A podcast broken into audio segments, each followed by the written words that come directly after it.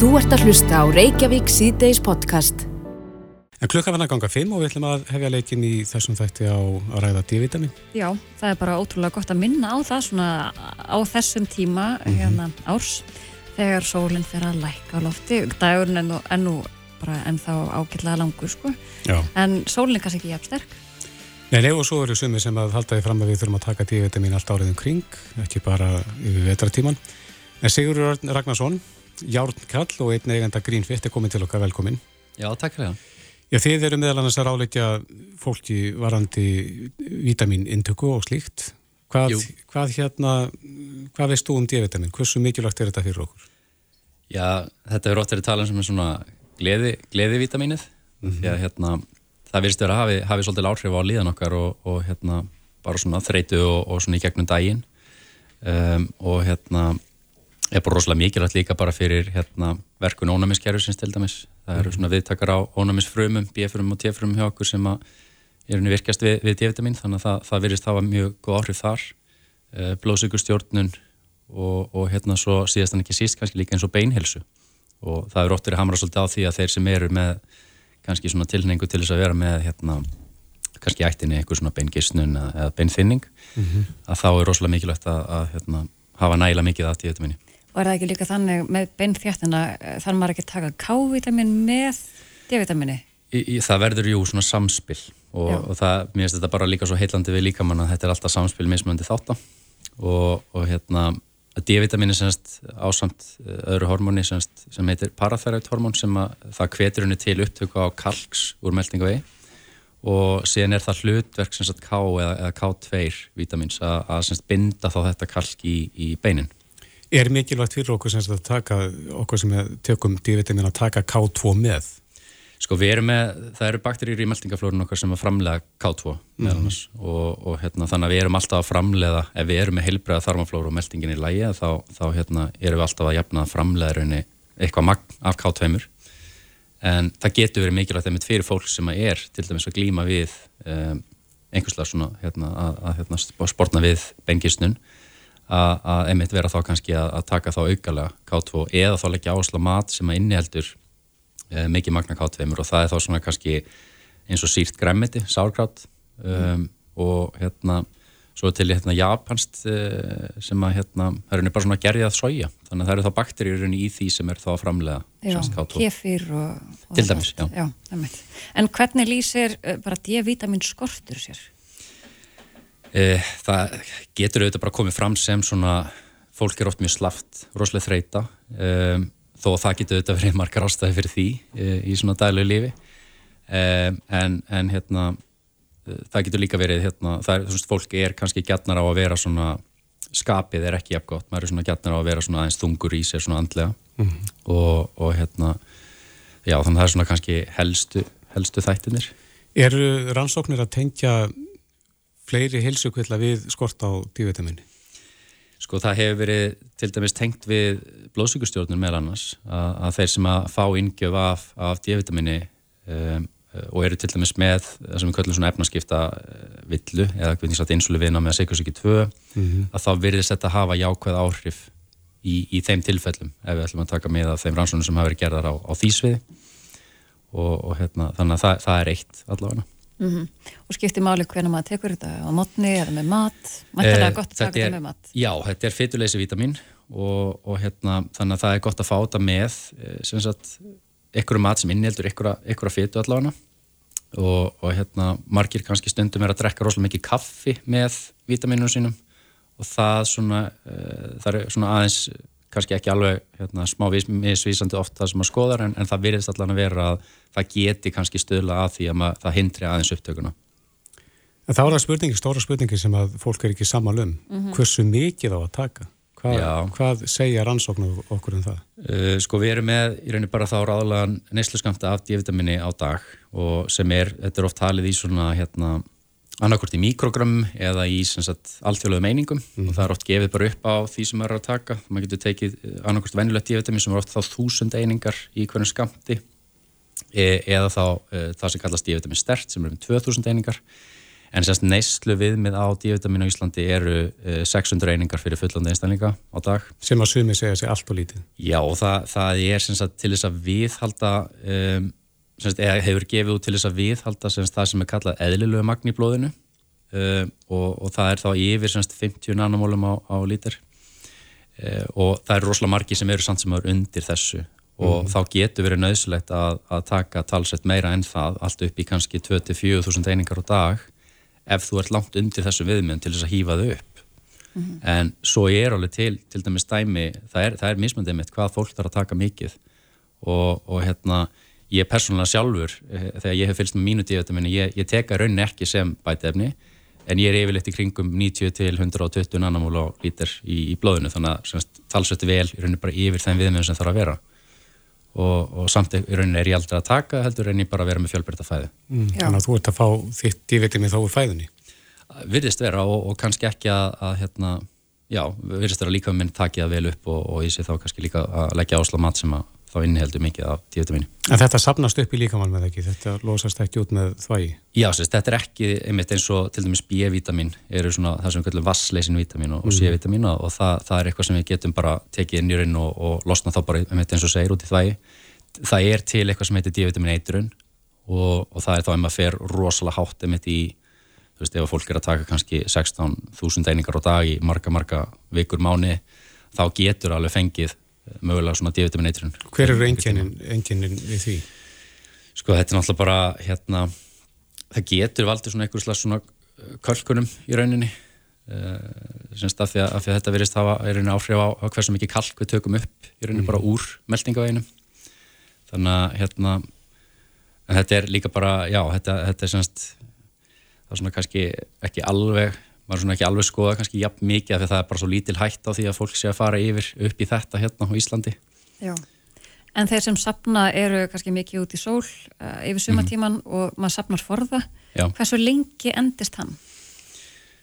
Sko, það er svona það er, það er bara mismöndi kannski hvar þú eigði tíman í hennum og, og hérna og svo virðist alveg vera að svona kannski lífverðni fólks hafi einhver áhrif á það hversu, hversu fljótt þetta fer út líka Semst bara þeir sem að lifa almennt heilbröð lífstil, reyfa sér mikið, eru náttúrulega í útíðust og svona virðast halda þessu betur. En það er kannski erfitt að setja ykkur að fasta tölu á þetta. Mm. En þú mælir þá með að Íslandikar taki bara, eða allavega hugi að D-vitamininu, hvort það sem er bara í bætiðefni eða í matnum sjálfum? Alveg, alveg klálega og, og sérstaklega maður með einhverslega svona enginni fyrir þá D-vitaminskorti þegar sem síteist þreita eða, eða, eða þreita almennt, eh, kannski gjarna á svona vera með einhver engina á svona, vera svona með þunglindi eða, eða svona þungur andlega á sér og, og hérna sérstaklega líka er hérna saga um bein, beinþýningar vandamál í, í fjölskyldunum svona. Mm. Mm. Hvernig kemst maður að því hvort að maður, eða hvar maður er stattur í, í þessu magnið í blóði? Er það bara með blóðpröfu þá eða? Já, það er sérst algengast að það er bara mælt það sem heitir 25 hydroxyvitamin D í blóðinu mm. sem er sérst óvirt form að D-vitamin en það er bara auðveldast að mæla það þessu, þessu, þessu tildina formi er svo umbreytt í nýrónum í það sem kallum virt D-vitamin rauninni en, en hérna en já, þá er það, það magnir rauninni mælt í blóðinu og, og þú vilt þá vera yfir 50 nanomól á lítar Mælir það með því að fólk láti skoða þetta hjá sér? Ég veist að svona kannski uh, ráleggingin á Íslandi hefur yfirleitt bara verið að, að taka D-vitamin af mm. því að það eru flestir yfirleitt svona á mörkunum eða kannski bara lágur en, en hérna auðvitað ef fólk hefur sérstaklega áhuga á þessu og fylgjast með þessu að, að þá hjálpar auðvitað alltaf af því að hérna, það sem við mælum að það, mm. það gefur okkur auðvitað upplýsingar. Hvaða magni mælir þú með? Er eitthvað svona einn ríkistala? Sko almennt upp á það að vera með nóg þá er þetta svona 600 til 2000 yfirleitt fyrir flesta um, svona miða við kannski okkar reynslu mm -hmm. en, en svo ef að fólk ætlar að fara að prófa þessu áfram með mikið hærra þá myndur maður svona kannski gera það sérstaklega ef það er að fara mikið við fjögusteiningar á dag þá myndur maður yfirleitt gera það í samráði bara sín, sín lækni mm -hmm. Sækant fréttum síðustu ára ég fann nú ekkert enga nýri frétt enn frá 2022 þriðung fullaruna vantar meira D-vitamin hér á landi mm -hmm. finnst þér við Íslandikar vera dugleg við að taka D-vitamin? Ég veist að margi sé alveg eh, með á nótunum en, en það er kannski ofta eins og, eins og hérna, við komum inn á hérna í byrjun að það eru kannski margir oft sem komum til mælinga til okkar og, og, og voru bara stein hissaðu sá að, að þau voru í rauninni langt, eða voru í rauninni bara með skort þó að þau væri að taka D-vitamin okkar með einsta degi og, og hérna, þannig að þá, þá gæti verið þörf á því að auka jafnvel, einmitt, ölliti skamtinn sko. en ég veist að það er alltaf að aukast aðeins meira og meira svona, vera svona meira og meira vitundavakningu um þetta mm -hmm. þannig að hérna, ég veist að þetta muni svona vonandi vera betra og betra. En svona örstuðt, með börn, börn og fullarna mm -hmm. er eitthvað munur þar á milli? Já, það er ekki mælt með því að, börn til dæmis fara mikið yfir uh, þúsund einingar, sérstaklega undir nýjur aldri og, og hérna ég minnir að, við, að við minnum skamturum fyrir þau sé bara eitthvað um 400 einingar á dag. Mm. Akkurat. Sigurður Örn Ragnarsson, Jálfgall og einn eigenda Greenfit. Kæra þakki fyrir komin og góða helgi. Takk fyrir mig og samanleis Þú ert að hlusta á Reykjavík C-Days podcast Jæja, Reykjavík C-Days heldur áfram Þetta er svo sannlega verið tíðindarík vika í pólitíkinni Heldur betur Bjarni Benediktsson uh, held blagamannafund og tilkynnti það að hann ætlaði að láta störfum uh, fjármálar á þeirra mm -hmm. og kemur vantilega í ljósum helgin á ríkisráðsfundi hver lendingi verður í því, hver tekur við því ráðniti? Já, og hvort hann takir við öðru ráðniti, það er uh, nú enginn beint sagt það út en það er alltaf svarið já, það kemur vel til greina. Einmitt. Nú við gerðum könnun uh, á vísi.is og þar sem við spurðum hvað finnst það að Bjarni Benediktsson eigi að gera í stöðunni sem uppi komin? Við gáum þrjá svarmöguleika, það er að segja sá fyrsti að hverfa úr ríkistjórn E, Númið tvö, setjast í annan ráþærastól eða þriði möguleikin sækjast eftir fórsættis ráþæra stólnum mm. sem að komur reynda frá Sigri Andersen fyrir randi ráþæra og þingmanni flokksins. Akkurat. En niðurstað okkar konunar er þannig að 73,3% vilja hann hverfi úr ríkistórninni. 14% vilja hann setjast í annan ráþæra stól og 12,7% vilja hann sækist eftir fórsættis ráþæra stólnum. Já, mann er mikill meira hluti að segja vill hann bara úr ríkistjórn og þetta uh, rýmar ágætlega við nýðustöður nýra kannunar maskínu mm -hmm. en ríflega 70% svarenda vilja Bjarni Björn hætti alfarið í ríkistjórn Já. í stað þess að taka við öðru ráðanetti.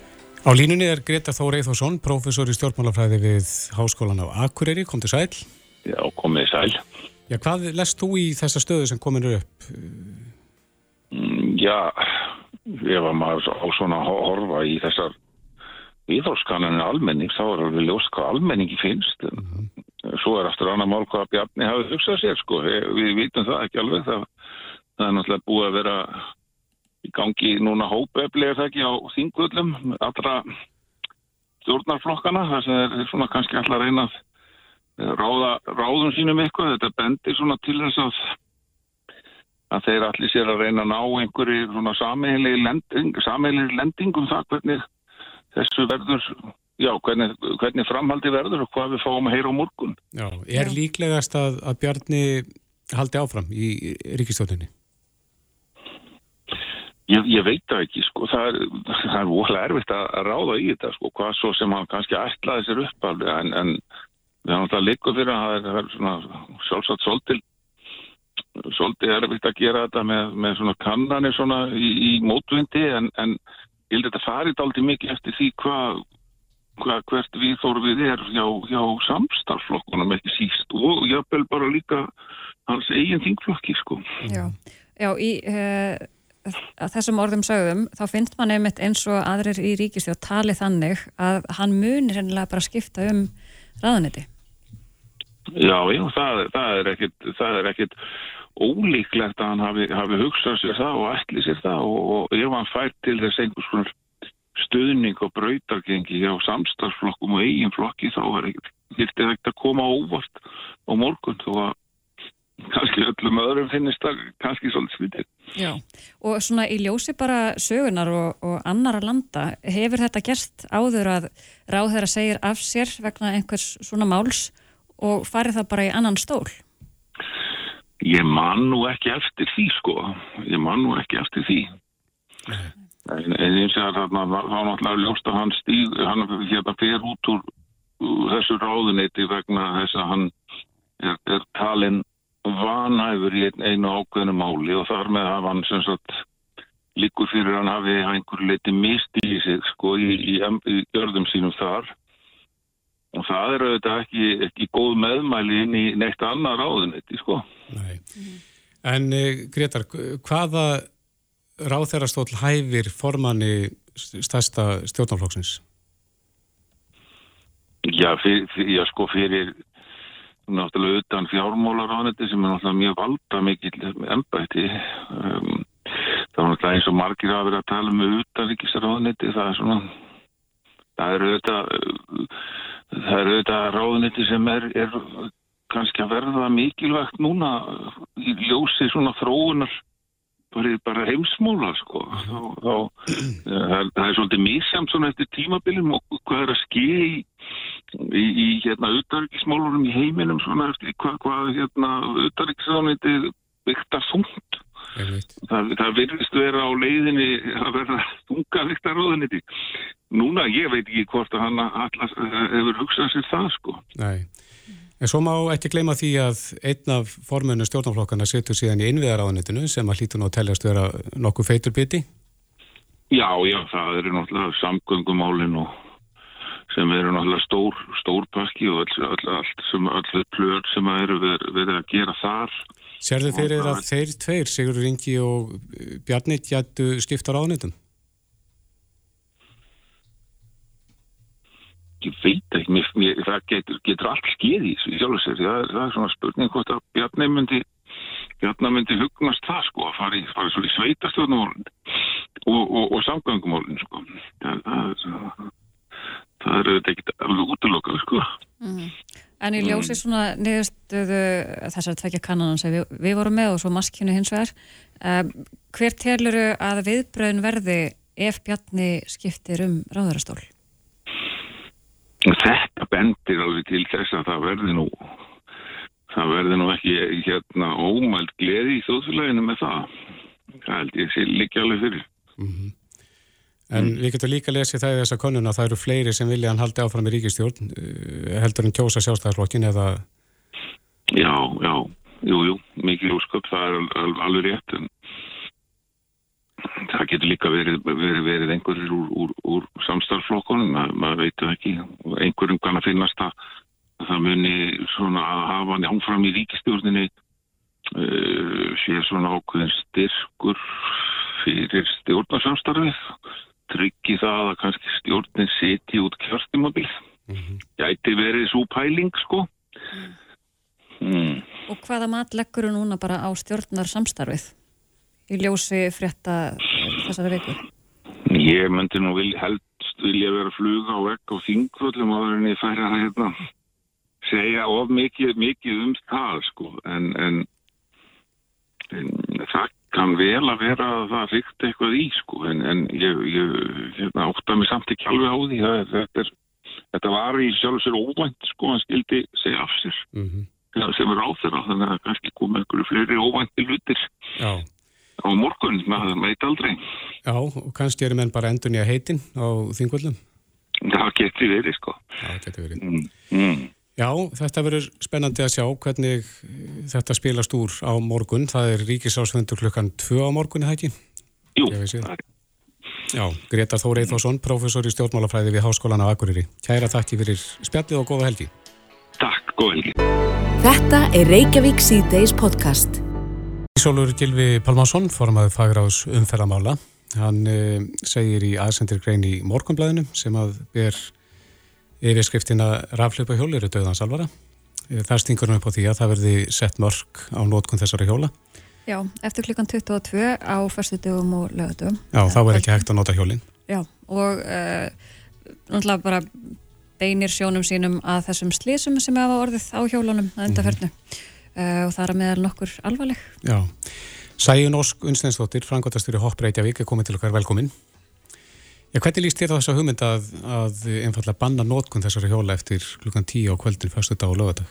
Já, sko þetta er alltaf rosalega þörf umræða, frábært mm. að þið séu að taka þetta fyrir hérna.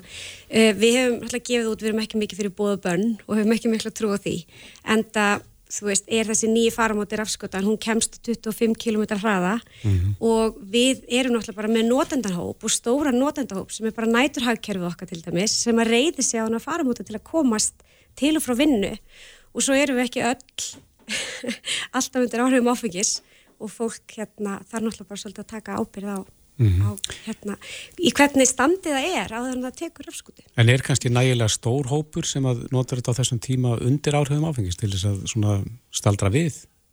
Nó, nægilega stór? Já, já. Ég, ég myndi halda að hann var mjög fáir. Af heildarfjöldanum sem er að taka já, þessi hoppjól á þessum tíma? Já, á þessum tíma, já. Ég myndi segja það. Og ég held að, að hérna að þeir, þau sem lenda svo í slisi að þau eru bara ekki ástandi til að valda neinu faratæki veist, bara upp til hópa þú veist, þú, ef þú getur ekki valdi rafskutu þá getur ekki valdi hjóli og þú sérst ekki upp í bíl heldur, mm -hmm. þannig að þú veist þú ert bara ekki ástandi til að valda faratæki, það er mm -hmm. bara þannig. En hafið þið rættið eitthvað og kannski komið með aðrar úrlöstnir?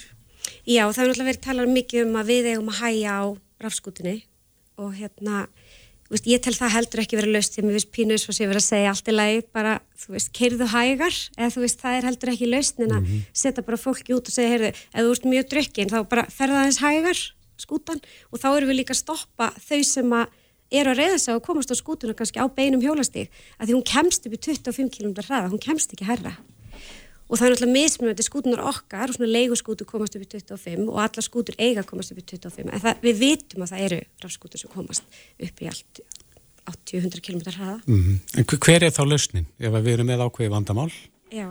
og fólk er að slasast sérstaklega á þessum tíma mm -hmm. Sko lausnin er náttúrulega bara forvarnir held ég og umtal og við ræðum um þetta og við tökum skútuna meira veist, inn sem Já. þetta er faratæki, við þurfum valmöguleika við erum að reyða okkur á rafskútuna sem valmöguleika mm -hmm. og notendur okkar er að reyða sig á hana. En nú er ofta fyrsta sem að hverfur þegar fólk neytir áfengi sér skynnseminn. Já. Hvernig er þetta að hafa það þá til? Skynnsemminnar. Já. Ef ég hefði nú lustnað því, þá væri ég nú kannski svolítið mátu. Ef varandi rafskútuna, þú þart, þetta er líka svo umt faratæki. Ég held að, þú veist, þetta er eins í Danmörku og, og Hollandi þar sem að fólk nota kannski miklu, hjóli meira mæli heldur en hér, að þá þá er, er skynnseminn hún er komin, við erum hér búin að vera í fjögur á rétt, þannig að faratækið er út og því miður þá bara verða slis á öllum faratækjum og hérna... Hvað eru margir sem að nota uh, hoppjólinn á þessum tíma? Sko núni í dag erum við kannski að sinna á þjónusta svona 5500 manns cirka. Á sólarhing, svona almennt, Já. en frá 22 á kvöldin fyrstu á lögadag. Sko við tókum við út fyrir nokkur mánuðum og það er cirka 7% af notkunnin okkar sem er að fara frá miðnætti til, til morgunsins eftir. Mm -hmm. Já, þannig að það er alla daga eða bara... Bara um helgar. Bara um helgar. Já, og þannig að við erum að horfa á stórt vandamál sem er samt svo lítið af heldinni að því að faratæki, það reyða sér svo margir á faratæki, það er í svo óbúslega mikillir notkun Ja, þú talar um næturhagkerfi, hvað, hvað er það? Bara sjúkrahúsin, bara lauruglan, um, hérna, allir veitingastæðir og skemmtistæðir. Fólki sem er að vinna í næturhagkerfin okkur er risa stór hópur. Landsbítalan er mjög stór visskiptafjörnu hópur, hopp. Þar sem við sjáum það bara út frá notkunartölum og hitakortum. Mm -hmm. Nú hefur fólk Vaktis. talað um það að uh, bara sektin við því að, að haga sér svona undir stýri á þessum skútum sé bara of lág Værið þú til í að sjá okkur svoleiðis að við byggjum viðlög bara ef þú ert að skúta, ég veit ekki hvernig maður orðar þetta, skúta drukkin? Já, það er náttúrulega komið til, að, til laga um þetta. Ég persónulega finnst það ekki, sko, bara alls ekki. En þú veist, ég tala náttúrulega bara fyrir hopp og fyrir notendan okkar. Mm -hmm. Og hérna, ég held að, þú veist, þetta almenna tillit og við þurfum bara, við þurfum bara að hugsa áður við, stönd, áður við hérna, tökum rafskútuna og veist, þetta er faramóti sem við þurfum, þurfum á þessum faramóti að halda. Við erum með ekki nógu, nógu gott almenni sangagnar kerfi eins og er og Reykjavík borg, hún þarf á fjölbreytileika halda, það er bara ekkert floknar en það, hún er komin til að vera notendur eru búin að sína það mm.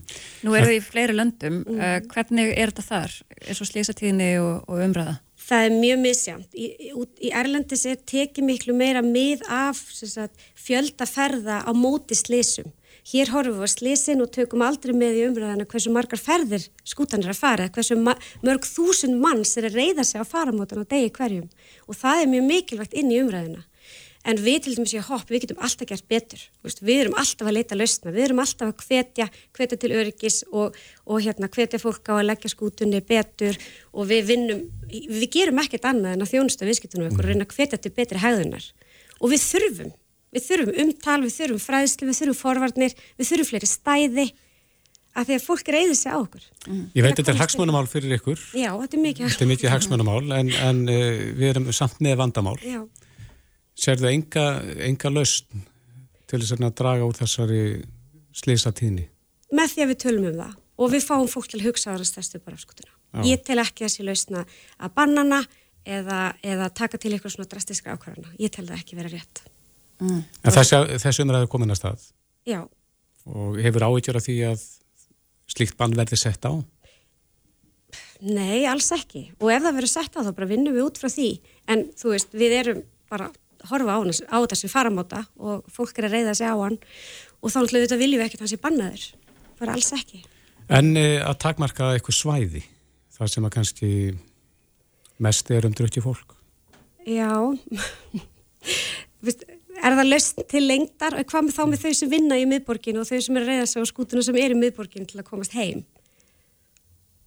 Mm. þau þurfa náttúrulega að nota hana og komast á henni heim. Þú veist að mikilvægast er bara að þú stýgur ekki upp á fartæki þegar þú ert ekki ástandu til að valda því. Það er einhvern veginn líkil með þessu. Mm.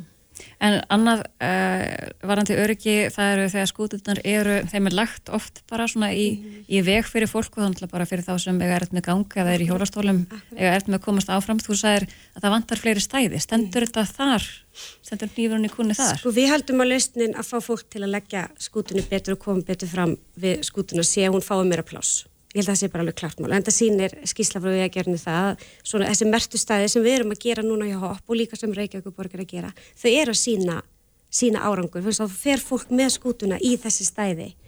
En við hérna í Reykjavík við þurfum á þessu valmöguleika og þessu fjölbreytna halda og við þurfum að hafa skútuna tiltæka. Og ef að fólk fer ekki að ganga betur skútuna þá kemur bara einhver eitthvað viðlög við þessu, það lítur að vera. Og við viljum það ekki, þannig að við erum að hvetja fólk til að ganga betur um hana. Því að skútan er náttúrulega úti til þess að þjónusum tilgangi að koma fólki frá A til B en við erum ekki að setja hann út á götu til hún sé fyrir. Mm -hmm. Þannig að ef þú leggur henni fyrir í vegfyrir vegfærandur mm -hmm. þá getur átt, átt í hættu á að fá sagt Ég veit ekki hvað það verði. Kannski verður það sett, ég veit ekki. Ég var átt á Tenerife núni í sömar og, og það nýtt í appið ykkar, mm -hmm. hopp er, er, er að finna þar. Mhm.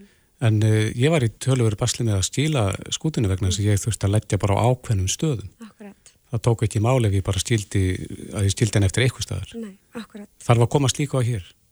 Sko, ég held að svoleiðis muni koma bara með tím, tíð og tíma. Þegar borgarlínan kemur og þegar að, þú veist, þegar við erum komið með þetta þjætta almenningssangna net sem við þurfum hér í Reykjavík, þá klárlega byrjum við með eitthvað svona stæði. En í dag þegar við getum ekki reitt okkur eins mikið á almenni sangukur, þá þurfum við að hafa skútuna veist, í rauninni á víð og dreif. Mm. En er þetta ekki samt svolítið þá langur tímara með út því að eins og rættir um borgarleginu núna þetta er ekkert að fara að gerast á, á næsta ári? Já, jú, en ég meina við erum, við erum endalust að setja upp stæði til að hvetja til notkunar og við þurfum líka að tala, við tölum alltaf bara um hjóland og gangandi, við tölum ekki um örflæðið og rafskútuna, við þurfum, við þurfum að breyta rosa mörgu hvernig við tölum að, að því hún er komið til að vera. Fólki er búið að velja hana. Og svo líka hún er umhverfisvæn. Hún fer á 25 km hraða. Hún kemur fólki á milli staða til að fara að vinna og annað. Og í skóla og ungmennum á æfingar og eftir hvað fólk og, og hérna, hérna fóreldrar og forðamann vilja. Mm -hmm. þannig af hverju erum við bara bannana? Þetta er nýr faramóti og henni fylgja áskoranir og við þurfum bara, við þurfum bara aðeins meiri tíma. Er fólk, finnst þið fólk verið jákvægt út í þennan faramáta almennt? Mjög mm -hmm. mjög jákvægt. Við værum ekki að sinna nýju tíðus manns á dag og núna allt upp í hvað, 5-6 hús manns á dag í þess, þú veist, núna þegar veturinn er að koma nema að því að fólk er búið að velja faramótan. Mm -hmm. mm. Rétt kannski aðeins í lokin, síðast þú komst til okkar þá varst að ræða hopp leigubíla. Já. Hvernig gengur það? Það svona gengur, það bara gengur. Uh, við erum bara, við þurfum alltaf fleiri bílstjóra, við þurfum fleiri rambarsbíla, við þurfum fleiri stærri bíla og við þurfum fleiri bílstjóra til að koma og vinna í hopphappinu. Er framtíð fyrir þetta hér? Hvað segir þau? Er framtíð fyrir hopplegubíla hér? Já, sjálfsögðu. Mm -hmm. Þetta er bara rosalega mikilvæg almenningsþjónusta legubílinn, þannig að við þurfum betra legubíla kerfu í Íslandi alveg klárlega. Mm -hmm. Já, Sæjun Úsk Unstensdóttir, framkvæmdastjóri Hoppreykjavík. Takk kærlega fyrir spjallið og góða helgi. Góða helgi. Þetta er Reykjavík C-Days podcast.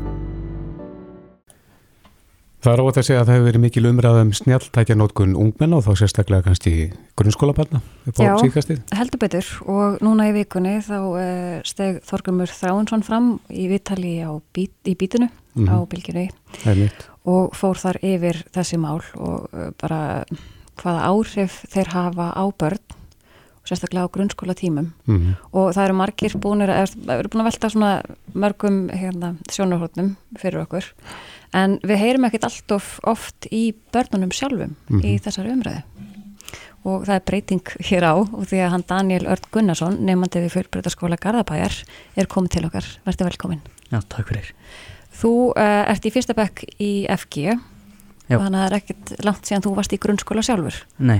og þekkir þetta, þessi málefni mjög vel, ekki satt? Jú, þetta sem sagt, þessi umræða byrjaði inn á eh, nefndarásfundi í Mjölubakkaskóla Já, og hvað var til þess að þið tóku það upp? Um, það var sem sagt, við vorum að halda mikið af viðbyrjum fyrir uh, nefnendur og það var þessi, það var þessi einn hópur af krökkum það sem tók aldrei þátt og var alltaf frek, var alltaf frekar að vera í símanum eða eitthvað svo leiðis. Þannig að við vildum, við svona, vildum fá þeim með í þetta en við vissum bara ekki almennilega hvernig við um að uh, fá þau inn og þá byrjuðum við að ræða af hverju þau vil ekki taka þátt og eitthvað svolítið og þá er það bara svona að vera símið eða það sem heldur um inn í þægindarsveðin það mm. sem var að halda þeim frá því að koma og taka þátt Og var þetta stór hluti uh, krakkana? Já, þetta var alveg sko, þetta var stór hluti af börnunum því að það er volið mikið svona skipting á börnum í grunnskólum það sem að ef þú ert ekki tilherir ekki þessum hóp þá ertu hrættu við að koma nála þeim eða eitthvað svolítið mm -hmm. mm -hmm. Þú hlustaður þetta ekki á viðtali við Þorgrim Þráinsson? Jú, svona Og hvað fannst þér um það sem hann sagði?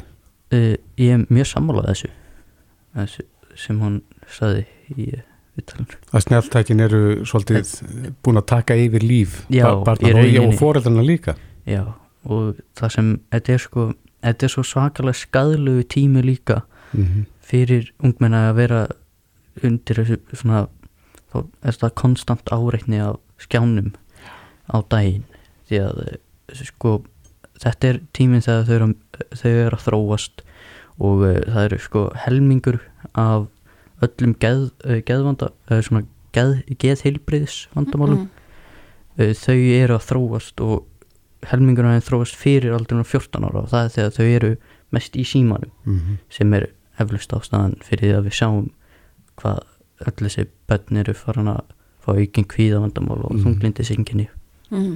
Og svona svo að þú talir út frá sjálfur hvernig hefur símanótkunin áhrif á þig bæði í grunnskóla og núna fyrsta bekki mentarskóla?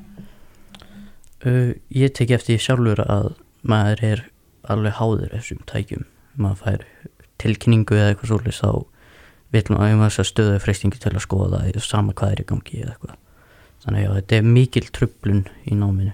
Mm. það hefur svo miklu áhrif á innbeitinguna Já, í náminu, en bara inn á heimilum út í að Þorglumi talaði mjög mikið um það bara ábyrð fóreldra í þessum málum.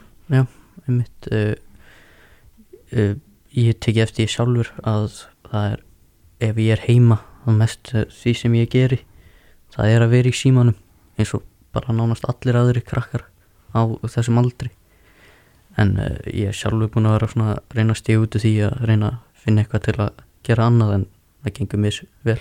Mm -hmm. Já, svolítið erfitt að setja sjálfur sér mörg Já, í rauninni. Því að þetta er, þetta er bara svona endalust magna dópan mín þegar hún færð frá símanum.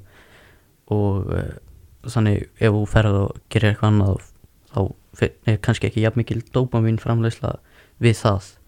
Þannig að þú vildi auðvitað frekar verið símanum Mm. En þú kallaðir eftir það ekki umræðu í þínum skóla, grunnskóla, um jú, þessi mál?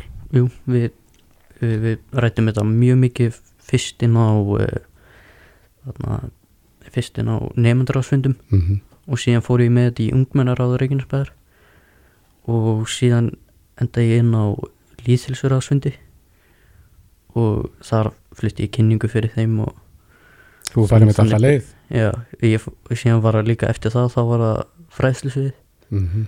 og eftir það var að mála þingið Já, og þú lagði til nokkra hugmyndir uh, þannig að það sé hægt að leysa þennan vanda Já, sko um, e, aðal hugmyndin var það sem við köllum símafangilsi þá var að nefndu myndi skila en símanu sínum í eitthvað hólf eða eitthvað svoleiðis hjá kennara og myndi síðan fá hann aftur í endadags skóladags þá Já, En hvað segja krakkarnir? Eru, þeir ánæði með þessa tilugur? Þú ert náttúrulega svolítið að ráðast inn á þeirra svæði eins og þú segir, þetta er, þetta Já. er fíkn. Þetta, að- þetta er mikið fíkn og það er mjög margir ósáttir með Já. það sem ég hef búin að vera að segja. Já, hefur þið fundið fyrir því?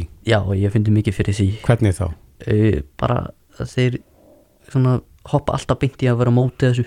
Já, láta ekki, hlusta ekki þá staðreindir á bakvið þessu og af hverju þetta myndi gegna þeim bara vel. En þetta er aðalega bara þau vil ekki að tekja næði síman en sem sagt símafangilsi var hugmynd sem við fengum svona gegnum því að þegar það var þetta skiptist voða mikið í tvent inn á þessu nefndrasundi það sem að einn hópurinn vildi bara banna þetta alveg og vildi ekki sjá þetta í skólanum og hinnir vildi hafa þetta og eitthvað og segðu við þurfum þetta eh, fyrir utan skóla strax eftir skóla og svoleiðis. Þá var þetta hugmynd sem við komum upp samiðilega já, að setja hann í fangilsi þannig að rétta menn á skóla stendur. Já. Mhm. Já, en um, hafa krakkar, uh, veistu til þess að uh, allavega þeir krakkar sem er í kringum þig hafi hlustað á viðtalið við Þorgrim? uh, Nei, við ég þarna var, var bara við um þetta í dag þetta viðtal sko og síðan eru það eru nánast engi, engi krakkar að fylgjast með ykkur svona vo- voðfáður en við fengum samt kynningu frá, frá honum uh, Þorgrími. Mm Og hvernig var hún? Hvernig var henni tekið? Uh, sko þetta byrjaði mikið svona mikla umræður í, í smá tíma síðan dóun smá niður. En það var sem sagt þá kom hann í skólan og gaf þessi kynningu sem búin að gera um allt land. Og þá fyrsta sem ég tók eftir var að þá voru allir strax á móti þessu. Því að það vill enginn losna við þetta eða neitt svoleiðis. Vil lengi missa tækið sitt? Eða nei, enginn. En heldur að sé, finnst þér umræðin vera komin á það stig að eitthvað verið gert núna? Já, ég, við náttúrulega við sjáum mikið fleiri af skólum að vera að banna þetta. Mm og um, þetta var sko þetta tók sín fyrstu stóru skrefi í Reykjanesbæð þegar þarna uh, háaleiti skóli upp á Ásbrú bannaði þetta og þeir byrjaði þeir bannaði það og síðan liftiði banninu. Og síðan koma í ljósa að það var mikið betra fyrir bönnin að hafa þetta símalus þannig þeir eru uh, minni með snjált símalus núna -hmm. og það hendaði þeim mjög vel og ég gengið mjög vel Og þú eru heist að úr þeim skóla að það hefði gengið vel þar Já, ég sem sagt var á fundi með uh, skólastjóra mm háleiti skóla. Já. Hvað færði þig út? Nú ert þú komin í mentaskóla. Hvað færði þig til að halda áfram þessari baráttu innan grunnskólana? Sko, þegar ég byrjaði þetta þá vissi ég að ég var full, fullkomlega meðvitaður um að uh, þetta myndi aldrei vera bannað á meðan ég var í skóla. Eh, Þannig að þetta er helst fyrir þessar yngri kynnslóðir út af því að þetta er sko, meðmálu um þetta er upp á velíðan þeirra. Þannig að bara til þess að geta hagsmunni þeirra þá -hmm. ákveð ég að halda áfram með þetta. Átt þú yngri sískin? Já, ég á eina yngri sýstir sem er núna í nýjöndabökk. Hvernig tekur hún þessari baráttu þinni? Uh, fyrst var hún alveg á móti mér og svona hægt og rólega er hún farin að vera samanlösu því meira sem ég bladraði til hennar. Já, þú ert að ná að samfæra hana? Já, svona hægt og rólega. Mm. En heldur að lausnin væri kannski líka uh, falin í því að fá fleiri á þínum aldrei til að tala um þessa hluti, ekki bara fullari fólk. Já, í rauninni þá er þetta mál ekkert leist bara að það hef verið aukunum fundi með hellinga fullarum fólki sem skilja ekkert reyn, reynsluna að vera í skóla með snjálfsíma. Það þarf mikið fleiri ungmennum inni á, inn á þessa fundi sem jáfnvel áheirna fulltrúar eða eitthvað slíkt. Já. Einmitt, þetta er umræða sem er greinlega bara rétt að byrja, við, við heyrum það. Daniel Örn Gunnarsson, mentaskólanemi og baráttumadur fyrir símalöfsum skólum. Kæra þætti verið komin og góða helgi. Já, takk fyrir það. Reykjavík síðdeis á Bilginni podcast. Jæja, Jæja, það er förstu dagur. og styttist í jólinn. Stýttist heldur betur í jólinn. Það er einhverju byrjar að tella niður. Já, en þetta er búið að vera svolítið þungvika, þungfréttavika Mhm. og við fengum nú bara ákalli í símatíma í gær. Hvort það væri ekki bara góð hugmynd að e, svona einbytta sig að einhverju aðeins meira. Einmitt, og þá hugsaum við jólinn. Að hugsa við um jólinn, þá kom þetta til okkar og fórum alla leið og hingað er komin er, jólin eru komin eða Jóli Hólm, Sóli Hólm verður velkomin Já, takk hjálpa fyrir. Þetta er ekki smá pressa að, að, að einhvern veginn að rétta af þunga viku og hvað það með sko jólatali sem getur bara gett fólk pyrrað líka sko á þessum tíma sko. Þannig að því að ég er svona smeykur við það að vera orðin eitthvað svona IKEA, ég er bara nýja IKEA geitin sko. Já, það er farið að auglýsa jólasjóið þitt. Já, já, ég byrjaði að selja á undan áður en að IKEA fór að, fór að stað. Því held að IKEA sé ekki fara að stað ennþá mér að segja.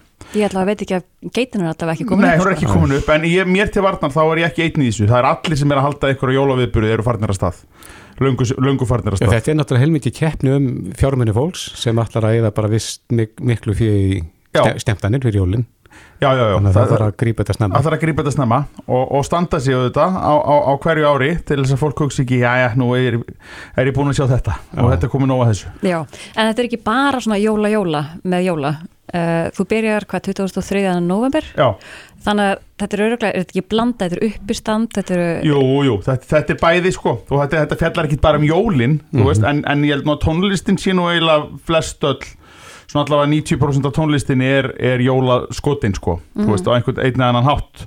Og, og þannig var það allavega í fyrra. Uh, já, ég minnist þess ekki að ég hefi verið með einhvert lag í fyrra sem að var ekki, jú, jú, það var eitthvað, jú, eitt eða tvörlega sem snýr, snýr ekki að jólunum sko en þetta er bara þetta, þetta er bara jólagleði. Þetta er raun, ég, ég, ég lí, líti á að ég sé svona stórmarkaður uh, í jólaupplifun, þetta er grín og tónlist, þetta er alltaf einum stað Mhm. skiljið, það þarf ekki, að- ekki að fara á, á marga viðburði, nema þetta er kannski ég veit ekki, það er kannski aðeins að bæti þetta verði nú hátíðlegt, þetta er svolítið mikið fýblagangur En hvernig fer undirbúningurinn fram? Þú, þú ert með nýtt prógram Já, Núna. alveg nýtt, algjörlega. Og, og það, það verður að vera þannig. Uh, og undirbúningu fer nú mest fram í hveragerði uh, upp á háalofti hjá Halldóri Smárasinni sem að er, er hérna, tónlistastjóri síningarinnar þar kem ég fastandi uh, fæ stert kaffi hjá honum og, og þá er ég sko ég er svo ör og hausinn á mér er alveg á fullu og Ég held svangur?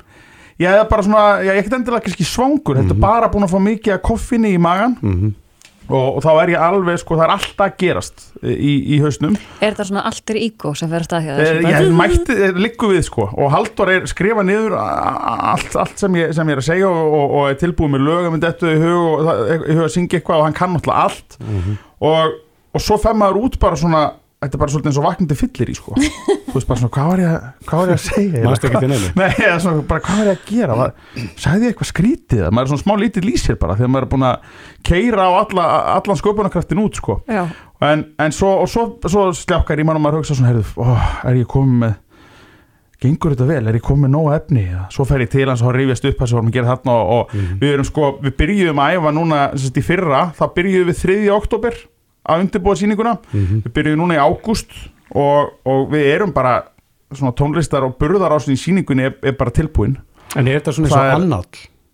sko, já líka, líka, Já. algjörlega ég, ég fer alveg yfir, yfir það, sem að, er búið að gerast það sem að mér finnst það að staðið upp úr en þetta er Mhm. ekki, ekki þetta er bara, þetta er bara skemmtikvöld það er bara, þetta er bara jó- með jóla ífavi þú veist, ég, ég lofa engu, þetta er ekkit áramótaskaup eða, eða eitthvað svoleiði sko, eða spöggstofa sko, þetta er bara veist, það er, í fyrra þá, þá tók ég náttúrulega fyrir stærstu málin Mhm. sem að gerðist á árunu en, en ég er ekkit að leita uppi. Ef ég man ekki eftir ykkur núna til dæmis þá er ég ekkert að leita það eitthvað uppi. Þú veist, er hann að rifja það upp? Ég hugsa bara hvað er í hausnum á mér og hvað finnst mér fyndið? Og þannig hef ég alltaf gert þetta.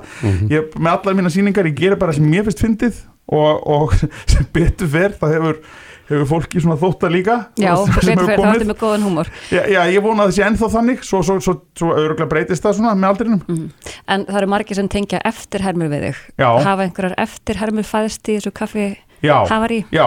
Og, og sko í fyrra var ég með alveg hellinga nýjum eftirhermum og það stefnir í það líka núna. Hver, hverju það komu nýjir inn í fyrra? Í fyrra, uh, ég var með Eirík Haugsson í fyrra. Ég var með uh, Björgun Halldórsson Ég var með, uh, það var einhverju uh, miklu fleiri sko, ég, ma ég manna ekki alveg nógu vel sko. Sem sagt í söngnum þá? Sko Eiríkur Haugsson var aðalega talið að því að, að, því að hérna, ég heyrði eitthvað viðtal við hann og, og, og ég var búin að velta því fyrir mér sko hvað hafði orðið að Eiríki Haugssoni og ég hugsaði bara hann er bara að djamma yfir sig einhver staðar, hann er bara, bara þú veist, bara búin að vera í blackout í 30-40 ár og, og, og man ekki neitt sko ef hann er þá á lífi, hugsaði ég sko svo heyrði ég hann um í viðtali í segðu mér hjá Sigriði Margreti á, á Rúf, á Rás 1 þá var hann bara búin að vera eitthvað kennari í Nóri Já, sko, já, og kom bara já. heim með, með norskan reym og bara eitthvað ég er búin að vinna í kennslu núna í, í, í 40 ár og það er virkilega gaman og, og, og, og ég er svona vissi ekki hvort ég væri gladur eða ekki sko, með það. En hann, hann, þannig að já, hann var, ég tók svona það fyrir hvernig, hvernig ég, hann snýri tilbaka sem kennari með norskan reym þegar ég held hann kæmi bara sko bara svo Keith Richards sko. Já, en Björgvin? Björgvin er bara söng eftir herma. Það er, það er hérna uh, já, það, það tók ég bara fyrir hvernig röddina honum hefur þróast og breyst og í gegnum tíðan og ég get eiginlega ekki gert það hérna sko. Þú veist, það, það Það er, voru af undirspilið með já, ég þarf að hafa undirspil og reverbið. Það er það, er það, sem að, það sem að þarf. Og svo munu, munu já, ég veit ekki hvað eru það eru allavega hellingur af karakterum sem hafa litið dagsins ljós í, í æfingunum sko. og það sem að ég hafði svolítið áhugjur að í fyrra þegar við vorum að undirbúkur það var að Halldór hló svo mikið af öllu sem hann var að gera. Og ég hugsaði, er þetta fyndið eða er hann bara svona, er Svona bara eitthvað að, er bara eitthvað að honum? Þú veist, er hann bara eitthvað skrítin en sem betur fer, þá, þá virt, virtist allavega fólki hlæja á sömum stöðum að Halldór. Þetta hitt í mark. Já, og, og, og, og við erum allavega nokkuð bara kokki og confident með, Mhm. með, með það sem við erum að gera búið til núna. En hverju koma nýjir inn núna? Ég vil ekki segja, það er bara fyrir það sem, það sem koma Það er leyndó. Já, það verður að vera lindó Getur þú tekið eftirhermu án þess að segja nafnið? Nei, sko Það er svo glöfalegt oft sko Nei, ég get ekki allavega ekki Nei, ég veit ekki alveg hvernig ég ætti að gera það sko En það er allavega, ég lofa fullt af nýjum nýju stöfi sko. Þú veist, Þetta er alltaf bara nýtt prógram Það er bara það sem er að gerast Getur þú hent eftir öllum? Núna Nei. til dæmis bræði hljóp hérna út Getur Já. þú tekið hann bara sest í hans stól og, og hérna, tekið hann? Já, bylgja með ykkur hérna Björn Órásandi hér um að senda hérna út í beinu útsendingu frá Garðheimum uh, hér er tilbúið á stjúpum og erekum sem að þetta er hægt að koma og nýta sér já, Já, já, já, já, já. Getur leist braga Já, já, ég geti það, já það er bara komið svo hérna með ykkur á já, Djúpi basinn. Já. Algjörlega. En þetta eru allmargar sýningar, eða ekki? Jú, og, og, og þetta eru sko 29 sem er í sölu núna og ég held að sé farið 93% af öllum miðunum. Mhm. uh, Við erum svona núna að meta það bara hvort við bætum við 2-3 í viðbót og þá erum við að tala um sko 32 sýningar á 29 dögum sko Ertu búin, ertu búin að kaupa alla jólagjafirnar fyrir? Þú veist, ertu búin að undirbúa jólinn? Sko, ég ætla ekki að reyna að ljúga því að ég hafa eitthvað með það að gera Ég bara á, er rosalega vel giftur og ég Með fólki kaupi í því. ég, með, ég, bara, ég, ég hef bara undarfærin ár hef ég keft eina gjöf það er fyrir Viktorju Mhm. og, og, og það verður engin breyting þar á held ég Þannig að- en svo náttúrulega er þetta þannig að, að þú veist, ég hef nú alla dagana sko. Þú veist, ég er ekki á, á allan daginn upp í bæjabíói sko. Nei. þegar maður er farin að stað svona eftir frumsýningarhelgi þá er þetta nú bara frekar næ sko. Þú veist, maður bara mætir hérna og, og, og kveikt á mikrofón og, og, og klárar sig og, og, og sopna vel sko. þetta er svolítið þannig sko. Mhm. En þú byrjar mánuði fyrir jól Hvað er ekki 23? 23. frumsýningin uh, já, 50 daginn 23. ég byrja fyrstur held ég með, með jólaprógram Mhm. uh, í, hérna, í ár en uh, Ertu eitthvað pólitískur í þessu? nei, ég held ég, ég náttúrulega er ekki mjög sko ég ger alveg grína pólitíkusum Mhm. já, já, ég gerir bara grína fólki sem hefur sagt að það gert eitthvað skrítið sko, veist, og það er alveg sama í hvað flokki það er ég, ég, ég hérna te, te, sko, eins og leiðalt sé að taka fyrir það er svo neikvætt Mhm. en ég gerir góðlótlegt grín að fólki úr, úr öllum, öllum stjættum og stöðum sko. Nærðu Sigmundi Davíð? Það er nú skrýta skulir spyrja þessu því að ég veit ekki hvert þú ert að fara með þessari spurningu því að það er ákveðlega leðilegt að maður mætir hérna í viðtal og, og það er þjarna að manni með að tala eins og annar maður. Já, já, ég er búin að vera með hann lengi sko. Já. En hérna maður vikunar, Bjarni Ben. nei, Nei, það er bara áfellistómur við Bjarna. Já það að sé geta herm eftir honum. Það er Hann það, gefur ekki færi á sér. Hann er bara ekki nóg skrítin Já, Eða verða þú menn að vera skrýtnir ekkert skrítnir endilega, þetta er að hafa eitthvað svona sk sko skrítin þá er ég meina bara í fallegustu merkingu þess orð sko með eitthvað svona sjöna sig hvað. Já, já, eitthvað svona, eitthvað svona sem er þetta svona eitthvað núans Mhm. sem er hægt að, hægt að hérna, hægt að fara út í sko Ég mætti á fyrstu sýninguna eftir COVID Já, já, þá, já. þá náðuru Kára Stefánsin alveg óhemmi vel Jafnvel Já. betur heldur en hann sjálfur Já, þakkaði fyrir Það var, það var virkilega vel gert. Er, er, hann, kemur hann eitthvað fyrir í nýju sýningunni? uh, Nei, ekki enn sem komið en svo náttúrulega er það þannig að, að sko svona 95% sýningarinnar er tilbúin Mhm. þú veist, en svo eru 5% þau verða til fram á síðasta dag og líka meira sér eftir að sýningin er komin í gang þannig að þú veist, það er, það er bara þannig að, Er svona, munur á milli sýninga? Mm, já, alltaf, ekki samt, veist, þetta er alltaf sama uppbyggingin uppbyggingin og hérna og sömu hérna lögin og allt, í sömu röð og allt annir sko en svo er alltaf bara eitthvað spontant þvæla sem þetta er eins sko Mm. og maður stækkar þennan brandar að þetta skiptið og, og stittir hann kannski því að maður finnst fólki ekki hlæja alveg eins mikið og að gera í gær og, Mhm. og en hlæja kannski meira á öðru sem maður kannski svona aðeins aðast í Hefur þið verið að lenda í ykkur óvinnulegu út, út hún úr sal? Sko, nei Kemur það ekki fyrir? Mm. Fólk er náttúrulega að fá sér pínu Það er það þetta og, og hefur alveg verið smá þessum setni sýningum á föstum og lögutum Mhm. þá, þá hefur maður stundum heyrt eitthvað svona svona gól svona, úr, úr salnum en aldrei neitt sem heitir vandraða sko. þetta er bara fólk í stuði og, og ég hef, hef nú svolítið lagt að ég vana menn ég svara ekki fólki Mhm. sem er að kalla eitthvað á því að En sko er verið að kalla eitthvað svona byggja eftir að byggja Um að einhverja? ákveðna eftir þeirra já, já, það er alveg gert sérstaklega í uppklappi. Þá, þá er svona gargað eitthvað og, og svona sko og, já, eitthvað svo leið sko.